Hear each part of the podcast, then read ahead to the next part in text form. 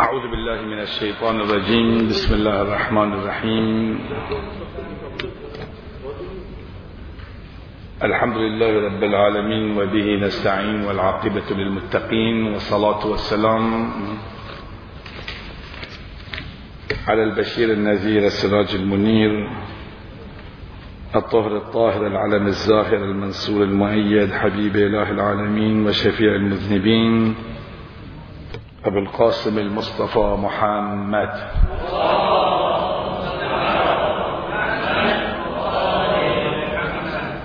صلى الله عليه وعلى أهل بيته الطيبين الطاهرين المعصومين الهداة الميامين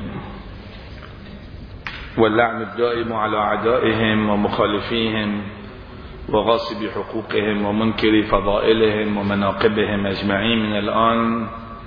إلى قيام يوم الدين. قال تعالى في محكم كتابه ومبرم خطابه أعوذ بالله من الشيطان الرجيم. يا أيها الذين آمنوا أطيعوا الله وأطيعوا الرسول وأولي الأمر منكم. حديثنا كان حول أهل البيت عليهم السلام وعلى رأسهم رسول الله صلى الله عليه وآله وسلم. ودورهم في المهدوية. والمقصود من المهدوية هي الهداية والرفعة والرشد والكمال. هذا المهدوية.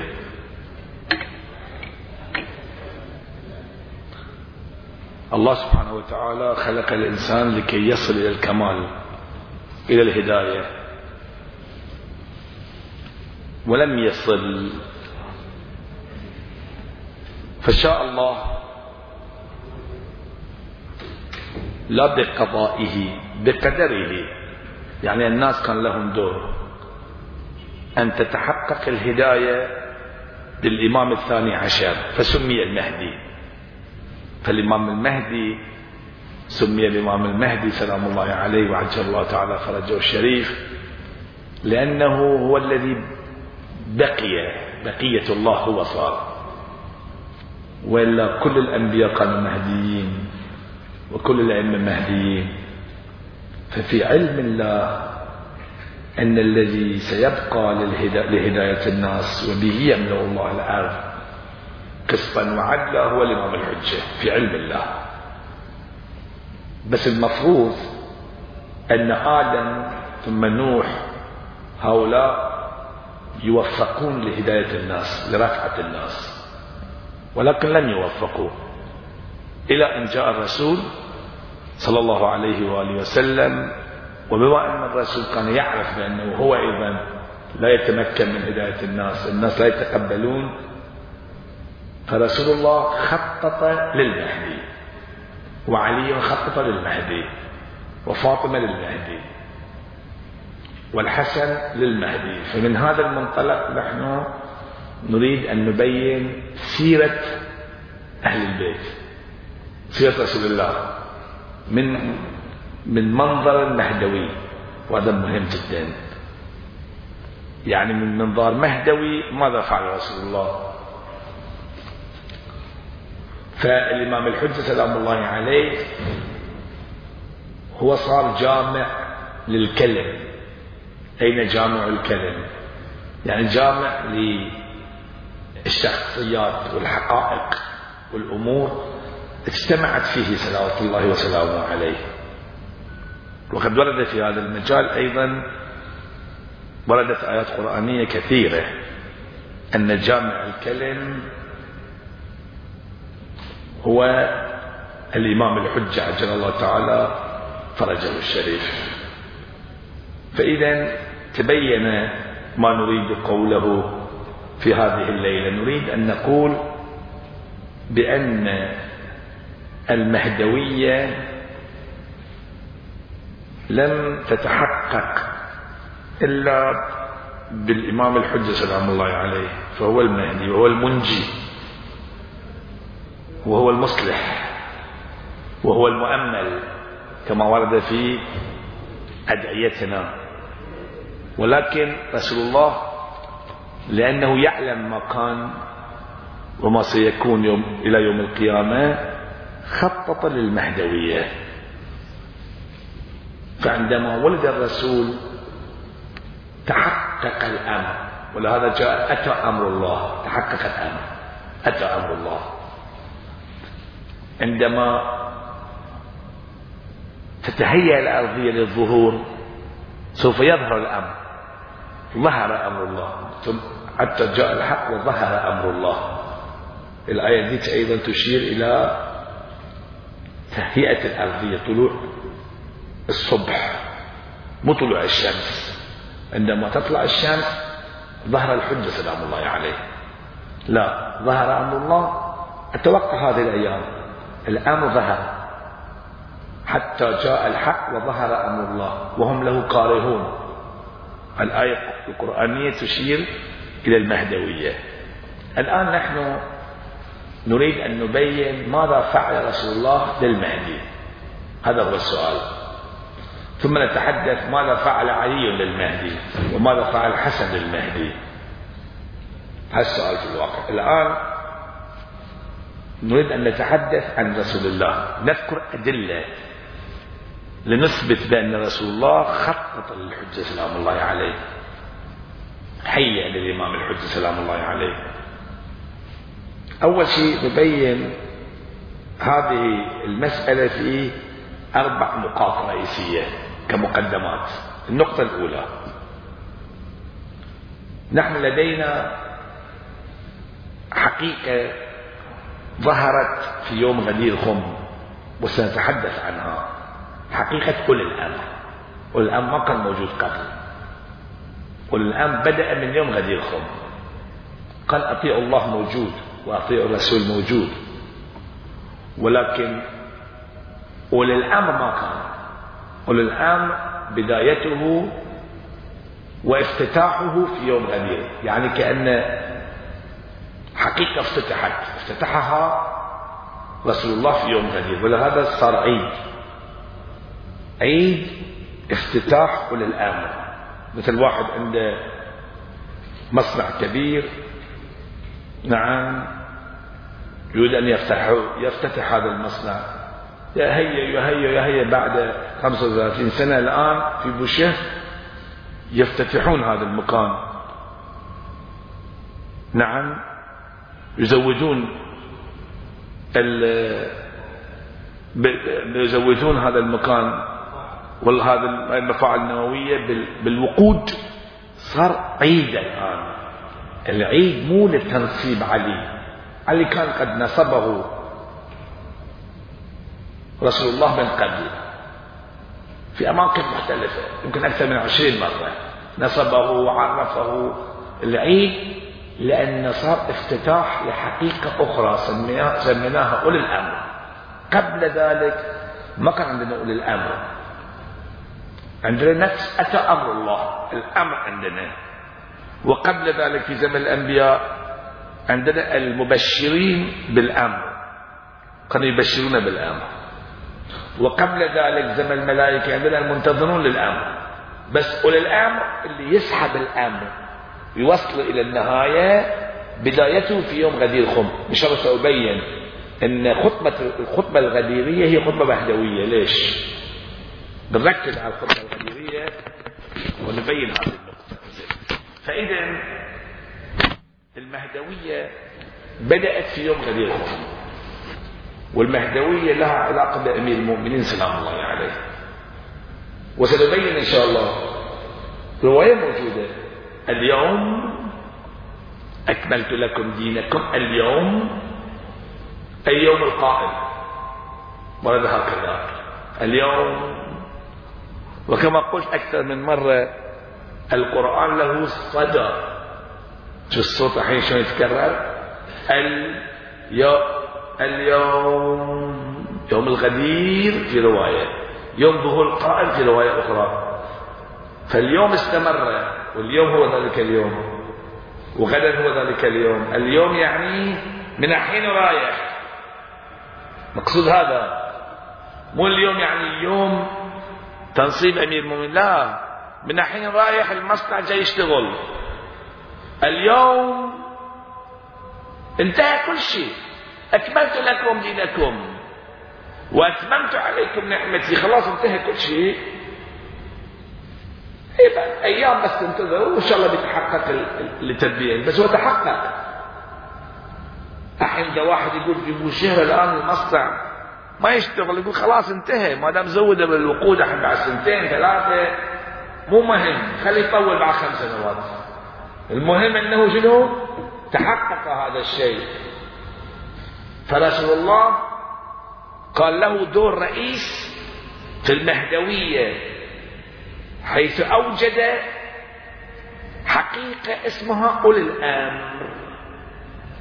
فدوره أهم دور.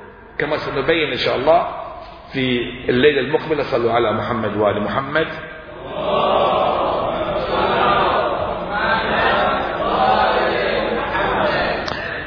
في هذا المجال كما قلت هناك خمس مقدمات أود أن أبينها. المقدمة الأولى أو أربع مقدمات بالأحرى المقدمة الأولى أن رسول الله أمضى مولد أمير المؤمنين.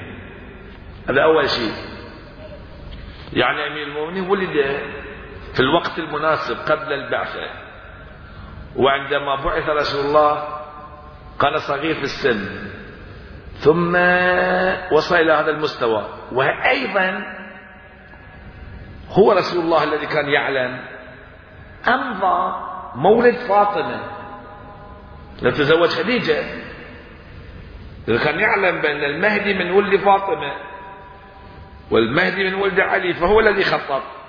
فهو خطط للمهدوية من هذا المنظار يعني من هذا المنظار هو الذي أمضى مولد أمير المؤمنين ورباه. كان تحت إشراف الرسول مقضية عشوائية بإذن رسول الله ولد علي سلام الله عليه. وبإذن بإذن الله تزوج رسول الله خديجة. فولد الزهراء. وبإذن الله تحقق هذا الزواج وجاء الحسن والحسين والمهدي من ولد الحسين. كل هذا تخطيط لمن سيأتي في المستقبل ويحقق أمال الأنبياء ليظهره على الدين كله ولو كره المشركون. هاي النقطة الأولى. يعني هذه النقطة الأولى التي من خلالها نعرف أن رسول الله كان يخطط للمهدوية. النقطة الثانية. القرآن. تعرفون بأن القرآن خمس القرآن آيات القرآن خمس آيات القرآن آيات مهدوية وهي موجودة الآن. خمس آيات القرآن آيات مهدوية فمن الذي تحمل القرآن؟ رسول الله. ما الذي تحمل آيات المهدي وقرأها للناس؟ رسول الله. فإذا رسول الله من هذا المنظار أيضا له دور في المهدوية. قرأ الآيات نفس تلاوة الآيات. ونريد أن نمن على الذين استضعفوا في الأرض هو قرأها. ولقد كتبنا في الزبور من بعد الذكر. هو قرأها. لو أن لي بكم قوة هو. يعني رسول الله قال له دور. في هذا المجال. هذا الشيء الثاني. الشيء الثالث هاي شيء مهم جدا. ركزوا على هذا الموضوع عن القرآن. خل أبين لكم. تصوروا القرآن جاء للمهدي أو المهدي للقرآن. أنا أقول القرآن للمهدي مو المهدي للقرآن. لأن المهدي مو معناه شخص. المهدي يعني الهداية. القرآن جاء للهداية. القرآن جاء للرفعة. ففلسفة مجيء القرآن هداية الناس والذي يهدي الناس ويوصلهم إلى القمة. ويرفع مستواهم ويمسح على عقول العباد فتكمل عقولهم من هو؟ الإمام الحجة سلام الله عليه. فالقرآن للهداية وللمهدي. مو المهدي للقرآن. مو الشخص كما قلت. يعني حقيقة هذا هذه النقطة ثانية. النقطة الثالثة الآيات المتشابهة من هو الذي فسرها؟ رسول الله صلى الله عليه وآله وسلم. إذا رسول الله أيضا له دور في تبيين المهدوية. مثل آية أولي الأمر. آيات كثيرة. أنا أقرأ لك بعض الآيات اللي فسرها رسول الله صلى الله عليه وآله وسلم في المهدي. مثلا قوله تعالى وإذ استسقى موسى لقومه فقلنا اضرب بعصاك الحجر فانفجرت منه اثنتا عشرة عينا. الرواية عن الرسول الأكرم محمد صلى الله عليه وآله وسلم.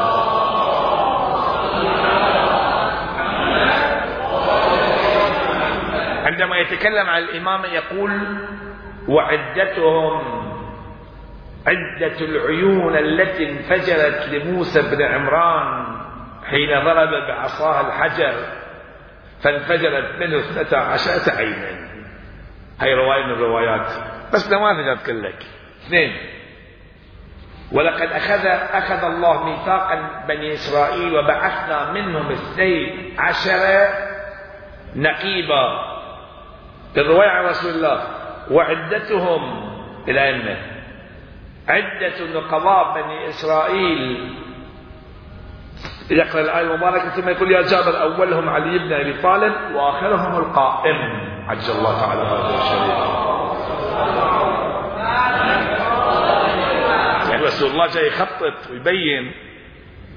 أنا ببين لك بس دور الرسول صلى الله عليه وسلم. ثالثا يهدي به الله من اتبع رضوانه سبل السلام ويخرجهم من الظلمات إلى النور بإذنه ويهديهم إلى صراط مستقيم. أيضا رسول الله قال في تفسير هذه الآية في الخطبة الغديرية معاشر الناس في يوم الغدير النور من الله عز وجل في مسلوك في في مسلوك ثم في علي ثم في النسل منه إلى القائم المهدي الذي يأخذ بحق الله وبحق وبكل حق هو لنا. هذا أيضا رواية من رسول الله صلى الله عليه وسلم. فإذا لا أحد ينكر بأن رسول الله كان له دور في المهدوية من هذا المنظار. مضافا إلى ذلك أود أن أشير إلى نقطة مهمة وأختم الحديث وهي ليلة القدر. تدرون متى تحققت ليلة القدر؟ ليلة القدر تحققت في زمن الرسول صلى الله عليه وسلم واستمرت إلى يوم القيامة ستستمر من هو الذي أول من حقق ليلة القدر؟ هو رسول الله.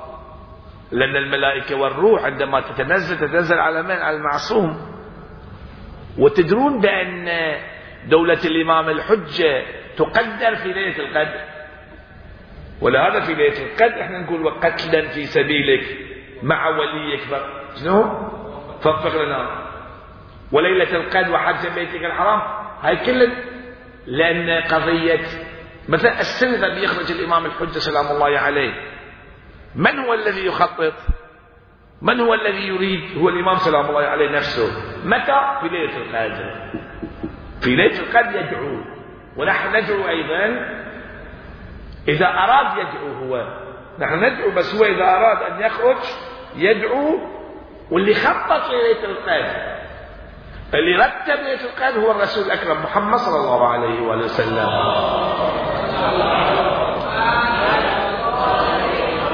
ف... فظرف ظرف الدعاء لظهور الحجة من هو هيئه رسول الله؟ هاي النقطة خلي في بالك. الظرف اللي هيئه من؟ رسول الله. فإذا رسول الله له دور مهم في الدولة المهدوية ورسول الله دوره أساسي وأنا أشير إلى آية قرآنية في هذا المجال ثم انتقل إلى نقطة واختم الحديث. الآية شنو؟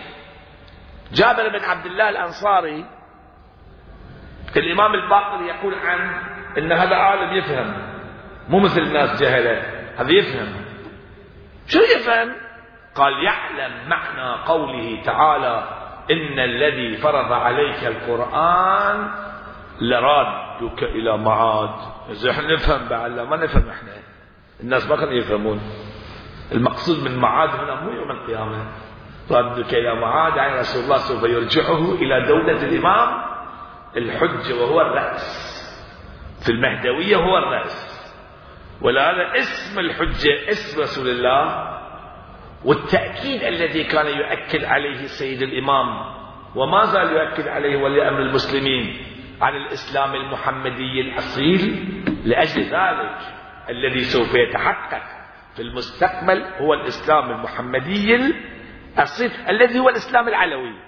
نفس إسلام غدير خم كما يقول ونعم يمكن لهم دينهم الذي ارتضى لهم. ارتضى لهم. اليوم أكملت لكم دينكم وأتممت عليكم نعمتي ورضيت لكم الإسلام دينا. فإتمام الدين وإكمال النعمة تحقق من خلال الرسول صلى الله عليه وآله وسلم. صحيح؟ ولهذا قال إنما بعثت لأتمم مكارم الأخلاق. أتمم يعني متى؟ هل مكارم الأخلاق تمت في زمانه؟ أقول كلا. كلا. في أشخاص كسلمان كأبي ذر ناهيك عن المعصومين سلام الله عليهم أجمعين. ولكن بعد ذلك وين مكارم الأخلاق؟ انتشرت. وتمم بعث لأتمم مكارم الأخلاق؟ هذه الكلمة مهدوية. يعني جئت حتى أهيئ الأرضية لإتمام مكارم الأخلاق من خلال ابني الإمام الحجة عجل الله تعالى فرجه الشريف. تأملت هذه النقطة الآن؟ أنتقل إلى النتيجة. والنتيجة هي مسألة أولي الأمر. أولي الأمر ترى مهم جدا. شو معنى أولي الأمر؟ هل أولي الأمر كانت في زمن الأنبياء؟ كلا يمكن واحد يسأل ليش أولي الأمر هو رسول الله أمير المؤمنين؟ ليش هو رسول الله؟ يمكن واحد يسأل هذا السؤال. أولي الأمر يعني مثل ما قلت لك افتتاح الأمر تحقق في يوم الغدير. من الذي افتتحه؟ رسول الله. من هو أول أولي الأمر أمير المؤمنين. ليش؟ الجواب واضح. تقول أنت. قل اللهم مالك الملك. هو مالك الملك. تؤتي الملك من تشاء. إذا ما قلنا لملك الله مو ملك بس هو مالك الملك. المشكلة هو اللي يوزع الملك. مثل موسى.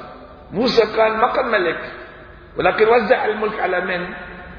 على طالوت وعلى سليمان وعلى داود هو مو ملك. هو ملك فوق الملك. بعض الناس يطيع الله واطيع الرسول أولي الأمر. أول من هو أطلق عليه أولي الأمر أمير المؤمنين سلام الله عليه. ليش مو رسول الله؟ رسول الله هو الذي فتح هذا الأمر. فالافتتاح في يوم الغدير افتتحت الأمور خلاص انتهى كل شيء. الأمور تحققت. الأمر تحقق. أتى أمر الله؟ ننتظر ظهور الأمر إن شاء الله. فإذا رسول الله له دور مهم في هذا المجال. مضافه إلى الخاتمية. مو صار خاتم النبيين. معناه إنه خلاص من الحين لازم تنتظرون شنو؟ الاوصياء بعد ماكو بعدي نبي ولهذا قال أنت مني بمنزلة هارون من موسى. ما قلت لست نبيا. قال إلا أنه لا نبي. بعد يكون فرق بين انه يقول أنت لست نبي أو لا نبي بعدي. أنت شأنك عظيم. بس لأن أنا ختمت المسألة من الحين رايح أنت واللي لكم الدور الرئيسي. أنتوا أنت يا علي خاتم الأوصياء. نعم أنت أول وصي وعندك خاتم الأوصياء. فهو الذي افتتح الوصاية بهذا المعنى. وصي الخاتم. مو مثل هارون. هارون كان وصي موسى. هذا وصي الخاتم. فرق كبير بين وصي الخاتم ووصي غير الخاتم. فإن رسول الله خطط وبرمج وإذا أردت أن تعرف حقيقة هذا الأمر أرجوك طالع الخطبة الغديرية. خطبة لطيفة جدا. خطبة الغديرية لرسول الله صلى الله عليه وسلم. كلها مهدوية. خطبة مهدوية. يتكلم عن الإمام الحج سلام الله عليه.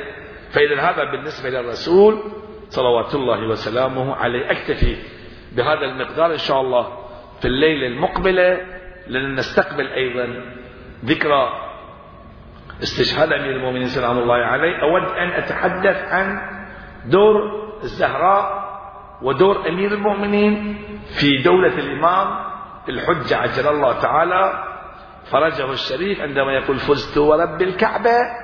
هاي المسألة أيضا لها علاقة بالمهدوية. فزت ورب الكعبة لها علاقة بالمهدوية. وتعرفون بأن الكوفة مركز الإمام الحجة صلوات الله وسلامه عليه. هنيئا لكم تعشقون رسول الله. ونحن نعشق رسول الله. ونعتقد بأنه هو الوسيلة إلى الجنة. ولو أنهم ظلموا أنفسهم جاءوك فاستغفروا الله واستغفر لهم الرسول لوجدوا الله توابا رحيما. تبا لمن غصب خلافة الرسول. تبا لمن أذى رسول الله ولم يدفن ولم يكفن بعد كما في الروايات يقول علام الأميني في مجلس قال في مشهد في مجلس المرحوم الميلاني قال سيدنا أخبر الشيعة بأنه هجموا على بيت الزهراء ولم يدفن رسول الله بعد. شو المصيبة العظيمة أخبر الناس بأنه هجموا على بيت الزهراء ولم يدفن رسول الله يعني ما صبروا حتى يوم واحد أو يومين يدفن الرسول. ولهذا يقول الشعراء الواثبين لظلم آل محمد ومحمد ملقا بلا تكفين ومجمع حطب على البيت الذي لم يجتمع لولاه شمل الدين. والقائلين والقائلين لفاطمة بيتنا في طولنا وحيين دائمين وحنين آه والقاطعين أراكتين كي لا تقل بظل أوراق لها يا يا يا وغصوني.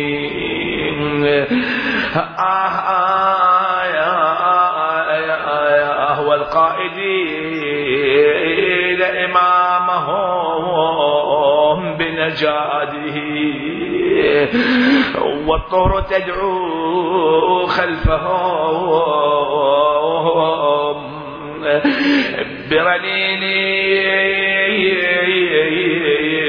خلوا ابن عمي أولى اكشفوا للدعاء.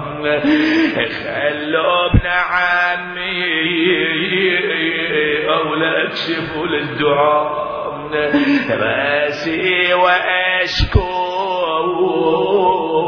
للإله يا شجوني ما كان ناقة صالحين وفصيلها بالفضل عند الله يا إلا يا دوني. ماذا فعلت فاطمة؟ ودنت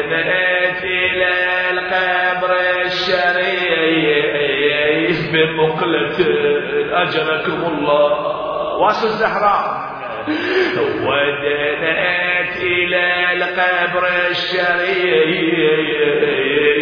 بمقلة عبرا وقلبين مكبدين محزونين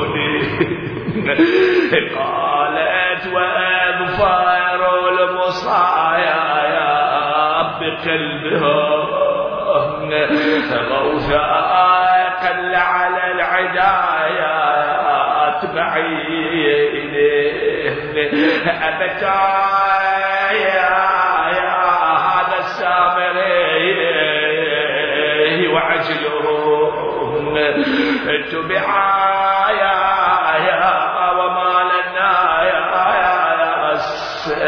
عن هارون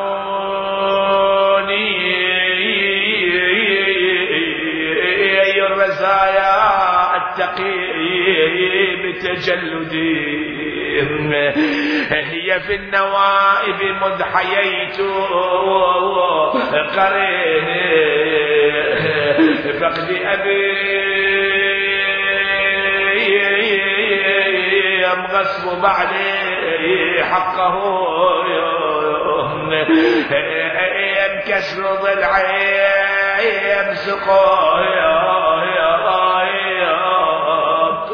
يمسقه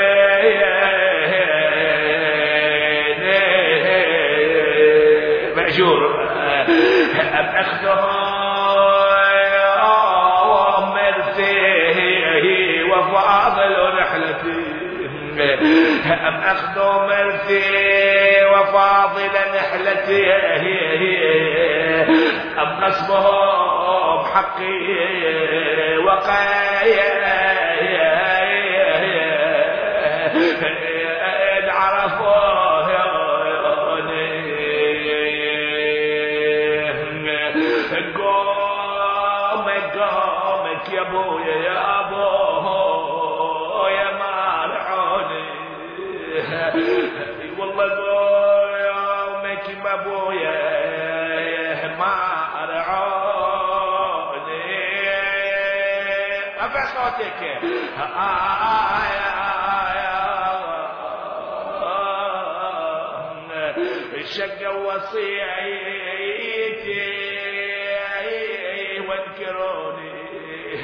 ومن البكا ومن البكا يابا يابا من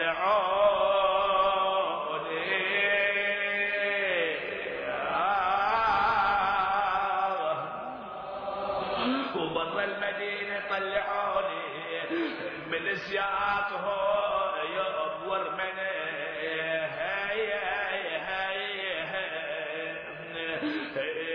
انتقل كفلتي